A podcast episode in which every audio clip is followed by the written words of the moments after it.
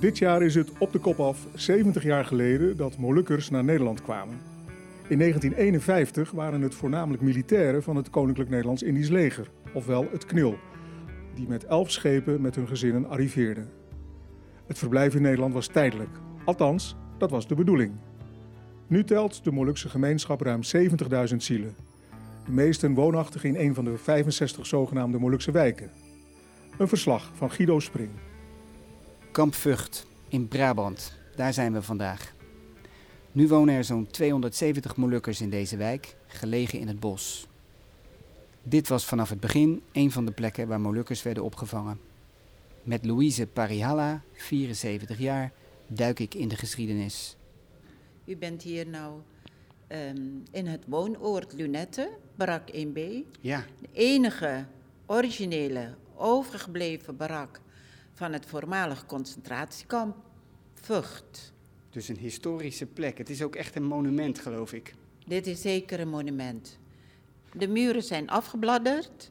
Dat kun je zien. Hè. Als je binnenkomt zou je denken van nou, het is een heel oude muur. Dat is het ook. De barak is opgebouwd uit één steensmuur. Dus dat betekent dat wij het vroeger heel erg koud hebben gehad. Ja. Eh, je ziet de tegels op de grond. Die zijn ook nog origineel. Die zijn eigenlijk, die stamt af van de, sinds de bouw van het kamp in 1943 zo ongeveer. Ja, is Tijdens kamp. de Tweede Wereldoorlog natuurlijk. De nazi's hebben het laten bouwen. En het ook inderdaad in gebruik genomen als kamp voor de eh, eh, Joodse gevangenen vooral. En wat weet u daarvan te vertellen? Want nu is het op dezezelfde plek onder het houten dakspand eh, vinden we een tentoonstelling, hè? een permanente Een tentoonstelling. permanente tentoonstelling. En het thema van, het, van de tentoonstelling heet Als muren konden spreken. En u bent gids hier in het eh, Nationaal Monument Kamp Vught. Ja, ja. Ehm, ik ben dus ehm, na mijn pensioen eigenlijk, ja, heb ik hier gevraagd of ik hier als vrijwilliger mag werken. En eh, ja, als rondleider met Nationaal Monument Kamp Vught. En later is Barak 1B gebouwd, heb ik hier één keer in de maand baliedienst. En als ik hier sta en er komen mensen binnen en die belangstelling hebben voor, het, voor de Molukse geschiedenis, dan kan het zo zijn dat ik heel uitgebreid ga vertellen over mijn Molukse geschiedenis hier in Lunette. Na de Cotta Inten, die ongeveer duizend Ambonezen naar Nederland bracht, arriveert de Atlantis in Rotterdam met een tweede contingent van 925 Ambonese passagiers, voornamelijk ex-knilmilitairen met hun vrouwen en kinderen. Voor de ontscheping hebben de moeders en vaders de handen vol om hun kroost warmpjes in te stoppen, want buiten is het guur echt Hollands voorjaarsweer. Niet minder dan 32 baby's kwamen gedurende de overtocht ter wereld. Op de vorige reis van dit ooievaarsschip waren het er ongeveer 60. Toen ik aankwam was ik dus een jaar of eh, vier. Nou, ik kwam hier met een bus met vol met eh, gezinnen en andere kinderen. En gelijk werd, eh, ja, volgens mij ook kleren uitgedeeld. Mijn, mijn ouders kregen natuurlijk de kamers toebedeeld. En dan kom ik in zo'n ruimte binnen. En wat me opviel, dat er is een grote kachel daar in die ruimte. En er werd gezegd van, Awas, Awas, niet te dichtbij. Awas is, let op, let op, niet te dicht bij die kachel. En dat is dus mijn herinnering, die kachel. Ja. En dan kom ik binnen in de kamer en er stond een stapelbed. En de stapelbed, die staat hier ook nog. Een groen stapelbed, zoals ze waren ook eh, Ja, toen u hier als kind kwam wonen. ja. Wij kwamen dus in een hele kleine kamer te wonen. Ja. Toen de tijd waren we dus met z'n vieren. Mijn vader, mijn moeder, mijn broer en ik. Ja. En we kregen maar één kamer. En die kamer was 2,5 meter bij 5 meter. En eigenlijk kun je de... Het is afgetekend, dat kun je zien. Hè. wijst u naar de vloer hier? Ja, oh, dan kun je het nog zien. zie je dus een beetje de dat is- schaduw. dat ontzettend ja, dat ja. hebben ze dus bewust gedaan, dat je dus hier Ja. een afmeting kan zien. En je ziet hier een barak met heel veel ramen. Ja. En achter ieder raam, dat kan ik vertellen, achter ieder raam is een kamer. En dat is speciaal voor ons gebouwd toen, ze, toen Nederland te horen kreeg dat er een hele groep met Molukse kneelmilitairen zouden aankomen in Nederland. toen hebben ze dus in allerijl eigenlijk de twee grootste concentratiekampen hebben ze omgebouwd. Hè, en dan hier dus eh, kamers van gemaakt. En in die kamer, daar staat dan een stapelbed. Het, stapelbed is van ijzer. En wat erop ligt, op de stapelbed, dat zijn stroommatrassen en een kussen van stro en een paardendeken. Je dat? Oh, daar zie je ook een paardendeken op de. Nou, dat eh, kregen we dus eh, toebedeeld. Ja. En je ziet daar een foto van een kamer en dan zie je hoe de indeling van zo'n kamer is. Oh ja. Als je dat ziet, dan is het gewoon heel akelig om te zien. Want je ziet een gordijn in het midden. En achter die gordijn, daar staan die stapelbedden of stapelbed. Om Nou, het af te schermen. Om het af te schermen. Ja. Ehm, om, ehm, weet je wel dat je een verschil maakt tussen een, een leefgedeelte en een slaapgedeelte. Ja, ja. Ja, en achter de gordijn is dan een slaapgedeelte. En voor de gordijn zie je de stoelen. Dat is het leef- of woongedeelte. Heel erg klein dus. Heel erg klein. En in die kamer wordt alles gedaan. Hè? Er wordt gekookt, er wordt gewassen, kleren worden gewassen, kleren worden opgehangen Ja. aan touwen door heel de kamer. Ehm, maar er staan dus bijvoorbeeld de koffers. Dan zie je rechts in de hoek zie je koffers Die staan er nog. die, je mee, die um, onze ouders meegenomen hebben uit, uit Indonesië. En die koffers die bleven heel lang dicht. Die werden bijna niet uitgepakt. Want de gedachte daarachter is dat we dus over zes maanden weer terug zouden gaan. Dat is dus niet gebeurd. Hoe was die, die aankomst en het begin in die tijd ook voor uw ouders en uw broer? Wat hebben ze daarover verteld en wat weet u daar zelf nog over? Want het was natuurlijk een Ja. enorme verandering in één keer. Ja, de verandering is, eh, is weer natuurlijk, hè, dat het heel koud is. Koud. Ja. Maar de ver- en, en ook dat onze vaders, eh, voordat ze dus in Nederland aankwamen, ontslagen werden uit het kneel. Eh, eh, en, en ze waren natuurlijk boos en volgens mij gewoon gefrustreerd. Want ze kopen vooral de, de mensen die hier in Vught aankwamen. Kijk, je, ze wonen hier, ze zijn uitsla- ontslagen uit het kneel. Ze wilden graag nog in het kneel blijven dienen. En dan komen ze hier ehm, en dan zien ze hiernaast zien ze een kazerne. Want die zit hier pal naast natuurlijk. Ja, die, Ja. er staat hier een hele grote kazerne. En wat hadden ze graag daar willen zijn om te werken? Ze kwamen hier in, in het Lunette aan, hadden ze helemaal geen werk, want ze mochten nog niet eens werken in Ja. eerste instantie. Dus het was gewoon de hele dag niks doen. En dat denk ik dat dat heel zwaar gevallen is.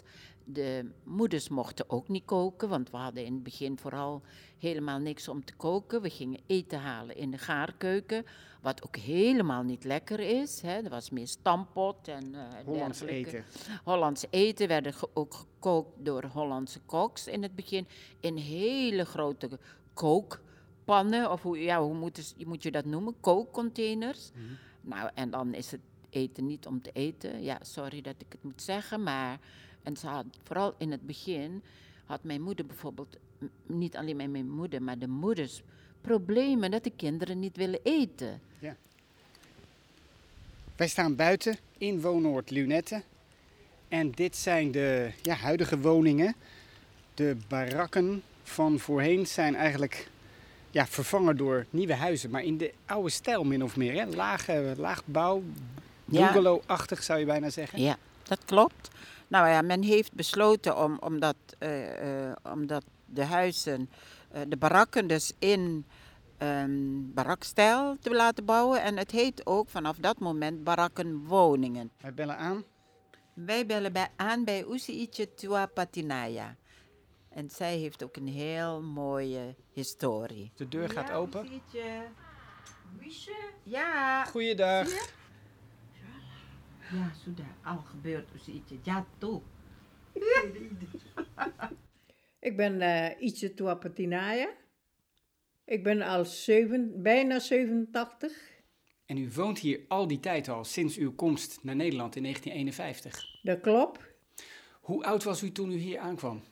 Ik was eh, toen dus 16 jaar. Kunt u iets vertellen over hoe dat ging? Ik kwam maar alleen. In feite eh, kom ik eigenlijk in de plaats van mijn zus. Die is als oudste zijnde.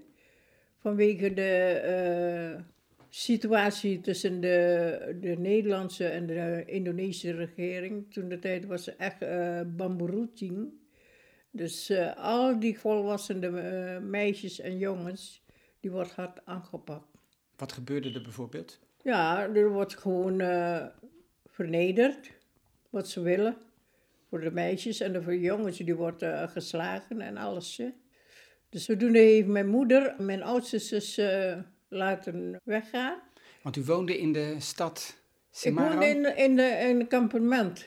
Okay. In Semarang. Ja, een stad op Java? Semarang op Java, ja. ja.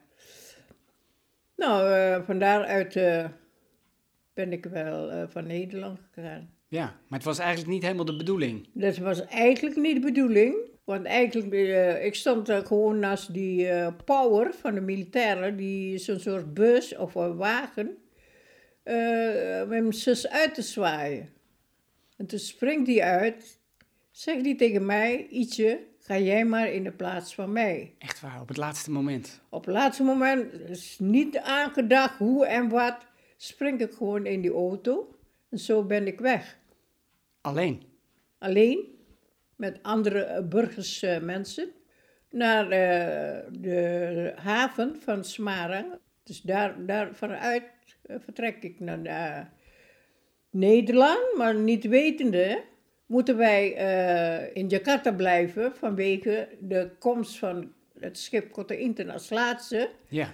Die was te laat aangekomen in Jakarta. Het schip dat u uiteindelijk zou brengen naar Nederland? Het schip moeten ja. eigenlijk wij ons meteen naar Nederland brengen, maar die was laat aangekomen.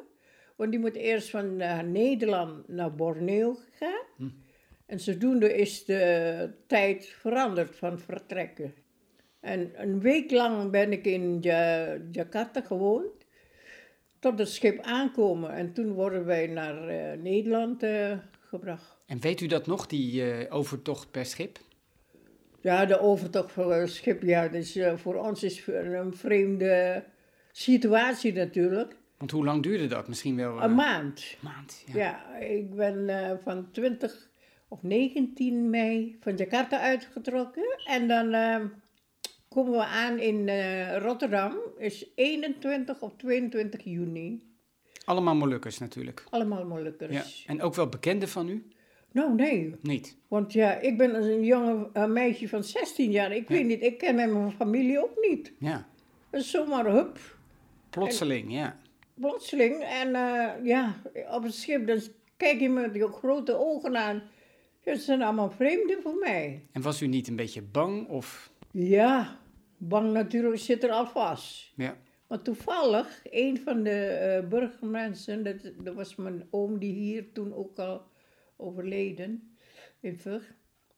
Uh, oom Prisa, die beschermt mij. Hm. En op het schip ja, we moeten er gewoon voor maken, hè. Ja. Ik hoorde, er was ook een live muziekbandje. Op Van alles en dat wordt, wordt gedaan voor hm. de, de mensen natuurlijk. Film uh, wordt gedraaid. En uh, wedstrijden tussen Jakarta en Samarang. Oh, ja. Touwtrekken. En met die leper, weet je, met die ei. Oh.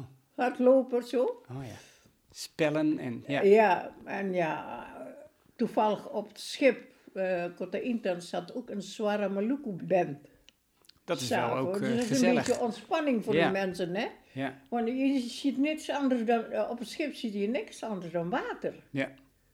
En toen op een gegeven moment kwam u aan. Ik kwam in Rotterdam aan, dat was in de maand juni. Van het schip worden we gewoon naar uh, Amersfoort gebracht. En daar worden we gewoon gekeurd. En was dat een gezondheids test of zoiets? Ja, ja, keuren, ja. er ja. zitten allemaal van doktoren. Ja. Uh, er zijn er twee doktoren, hoor. Hm. Zoveel mensen, twee doktoren.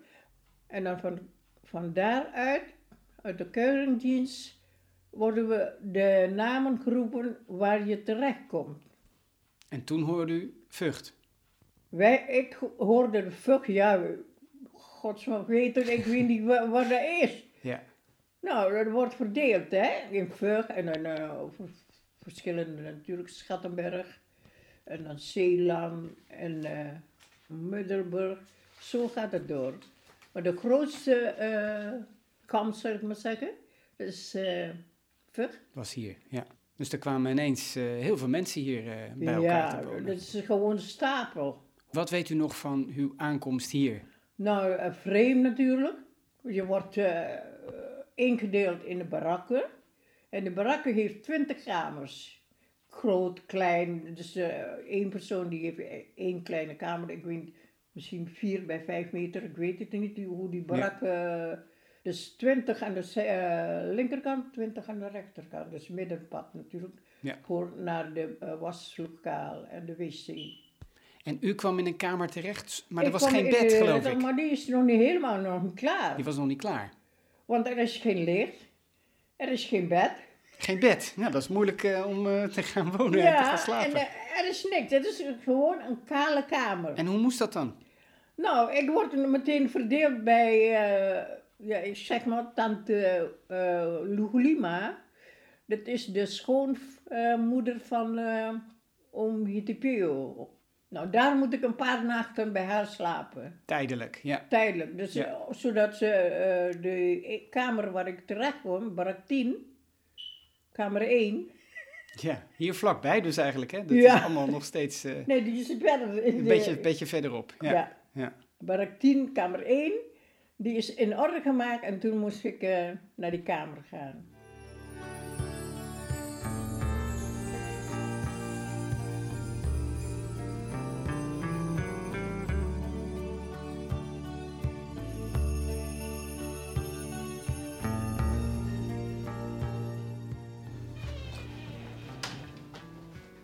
Dat is de oudste zoon? Nee, nee, dat is de middelste. Oh, de middelste zoon, oké. Dat is de middelste. De middelste zoon. En die, ze spelen heel graag buiten. Oh ja. Ik ben Rosa Kiriwenno. Ik ben getrouwd met Gerson Tentua. Eh, ik woon al heel mijn leven in Kamp Vught. Derde generatie, geloof ik. Ja, ik ben 39 jaar. En ik ben hier opgegroeid. Ja. We hebben drie kinderen. Ze zijn 13, 12 en 9 jaar. Er ligt hier een boek op tafel. Dat heet Moluksdorp in Nederland. Lunetten, want dat is de naam van het woonoord. En daar staan oude plaatjes in uit de tijd voor de renovatie. Zou je een paar plaatjes kunnen eruit pikken en vertellen? Want jij kent dat ook echt nog. Ja, het is echt nog de brakkentijd, oude brakkentijd. Nog van voor de eh, renovatie. Je moest dus ook gewoon in één barak douchen. Want er was vroeger ook geen warm water. Ook geen eh, centrale verwarming. Maar je moest dus ook echt naar een barak toe om daar te douchen. Handdoekje mee, tasje mee. Handdoekje, douchespullen mee. En dat was toen heel normaal. Je zou je het nu niet kunnen voorstellen, maar dat was echt normaal voor ons. Daar zijn ook nog foto's van, zwart-wit foto's in dit eh, boek. Sta je daar zelf op? Ja, toevallig wel. Laat eens zien, wat is dat voor een foto? Dat is een oud knikkerspelletje. En daar sta jij in het midden, met andere kinderen. Ja, allemaal leeftijdsgenoten zijn het ook. Ja, oude klasgenoten. En eh, ja, dat is gewoon wel heel leuk. Dat die kinderen van hun nu ook altijd weer eh, hier samen met onze kinderen spelen. ja want Dat is echt dingen. zo. eh, dat heel Ja. veel mensen dus ervoor gekozen hebben om te blijven. Maar dit is een knikkerspelletje met op de achtergrond nog zien we een hek. Dus daar is het einde van het kamp waarschijnlijk. Hierachter zit een militaire terrein. Militair terrein wat eraan grenst, dat is nog steeds zo natuurlijk. Ja, Kun je eens iets vertellen over het verleden van je familie? Want je opa en oma zijn eerste generatie en kwamen hier al wonen. ja klopt. Onze ouders hebben best wel eh strenge ouders meegemaakt. Maar zoals eh, ze tegen onze ouders waren, zo waren ze helemaal niet tegen ons. Ja, Helemaal niet. Het was gewoon een hele mooie tijd met hun. En ik denk ook dat hun heel veel hebben genoten van ons. Want we mochten alles bij hen en ze deden ook alles met, heel veel met ons. wat bijvoorbeeld? Spelen of... eh, Ja, maar ook meenemen met de trein, met de auto. Mijn opa had ook een eh, rijbewijs. Ja, met alle kleinkinderen mochten we de auto in en gingen we bijvoorbeeld snoepjes halen in, in Kromvoort, het dorpje hiernaast. oh ja, En dan gewoon met alle kleinkinderen in de auto. En bij elkaar over de vloer komen. Gewoon met elkaar, eh, met elkaar opgroeien. Ik ben Gerson Tentua. Eh, ik ben getrouwd met eh, Rosalina Keriwenno. Eh, en ik woon nu al zo'n 16 jaar in Kamp Vught. Kun je vertellen hoe het was om, om te verhuizen eigenlijk van Capelle aan de IJssel, vlak, ja, de Randstad toch, naar, naar het bos van Vught? Nou, eigenlijk was dat niet moeilijk. Kijk, Oh. want in Capelle eh, was een soort gelijke wijk. Ook een Molukse ja, wijk Ook een natuurlijk. Molukse wijk. Ja. Ja, het ging er precies hetzelfde aan toe hier in Vught. Dus voor mij was die overstap eh, heel makkelijk. Oké. Ik hoefde niet te wennen, want we voelden gelijk aan als thuis. En toch wel een beetje in de, in de bossen, hè? Dat is toch wel een beetje Ja. afgelegen misschien. Ja, maar ja, dat is juist geweldig. Eh, Ja? Wat is daar geweldig aan? Ja, ja, kijk, eh, ehm, eh, bij de wijk in Capelle is gewoon eigenlijk gewoon een normale wijk. Veel verkeer eh, eromheen, eh, veel bussen. eh, het gewoon een normale leven, zeg maar. En hier heb je toch wel een stukje apart. En dat maakt het uniek. En waarom vind jij het bijvoorbeeld ook belangrijk om hier met je familie eh, te blijven en niet ergens anders te gaan wonen? Er zijn natuurlijk ook Ehm. een hoop Molukse mensen die in andere hè, in steden zijn gaan wonen en zo. ja, ook ja dat, kijk, eh, de- dat klopt. Maar dit is, eh, zeg maar net als eh, de Nederlandse volksbuurt. Dit is ons volksbuurt. Kijk, en dit voelt eh, vertrouwd aan, zeg maar. Eh, als de kinderen of wij, ooms, tantes, oma's, opa's, iedereen zit in de buurt. Hoef maar naar de overkant te gaan. Nou, dan zitten ze bij oom die, of hier daarnaast. Of... Dus dat voelt gewoon goed aan. Kijk, en als, ik, als wij in een normale woonwijk eh, wonen, hebben we gewoon met normale buren, het zal ook goed zijn.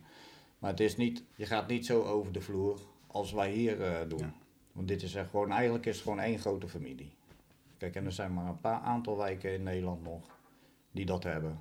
En ook heel veel zijn maar een heel klein straatje. Dus, maar zo, net als eh Kamp Vught, eh, ja, dat zal je niet vaak tegenkomen. Toen liepen daar ook nog achter. Bij de paarden en koeien en zo. Daar gingen we ook altijd spelen. Oh, ja. tussen de maisvelden daarachter heb je ook maisvelden van de boer. En er waren altijd wel een paar ooms die dan meeliepen. Als je dan heel klein was, weet je wel. Ja. En als je dan wat ouder wordt, als je tiener wordt en, en, en 16 wordt en zo, dan wil je ook mee, een beetje naar de stad misschien. Dat is dan weer juist weer wat verder weg natuurlijk. Ja, dat had ik heel erg. Dus, nou wat ja, heel erg. Weet je, op een gegeven moment dacht ik van... Oh ja, later als ik groot ben, dan ga ik in Den Haag wonen. Dichter bij het strand. Oké. In de grote stad. Ja, want die is maar zo rustig. Maar dat dacht Maar ik dat, vroeger dat altijd. verandert dan weer, ja. Ja, en op een gegeven moment, nou toen eh, leerde ik dus Gerson kennen. En was het zo dat we hier als eerst een huisje kregen. Nou, toen dacht ik, nee, met kinderen, dan is dit gewoon ideaal om op te groeien. Maar dat zou, is wel... zou eh, dit nou blijven als je, ja, niemand kan in de toekomst kijken, maar over een jaar of, eh, ja, wat zullen we zeggen, over eh, 20 of 30 jaar, zou het dan op dezelfde manier nog bestaan hier, de woonwijk, als, eh, zoals het nu is? Dat is heel moeilijk te zeggen. Maar wij hopen allemaal van wel. Deze aflevering van de podcast Molukse Wijken, Eiland in Polderland, is gemaakt door Guido Spring. Een project van stichting Sonodox. Aan deze serie werken mee Victor Jozef, idee en productie, Guido Spring en Sam Jones, verslaggevers, Rob Gerritsen, audio-nabewerking, Magda Augustijn, distributie en mijn naam is Rocky Tuhuteru. Kijk voor meer informatie op moluksewijken.nl.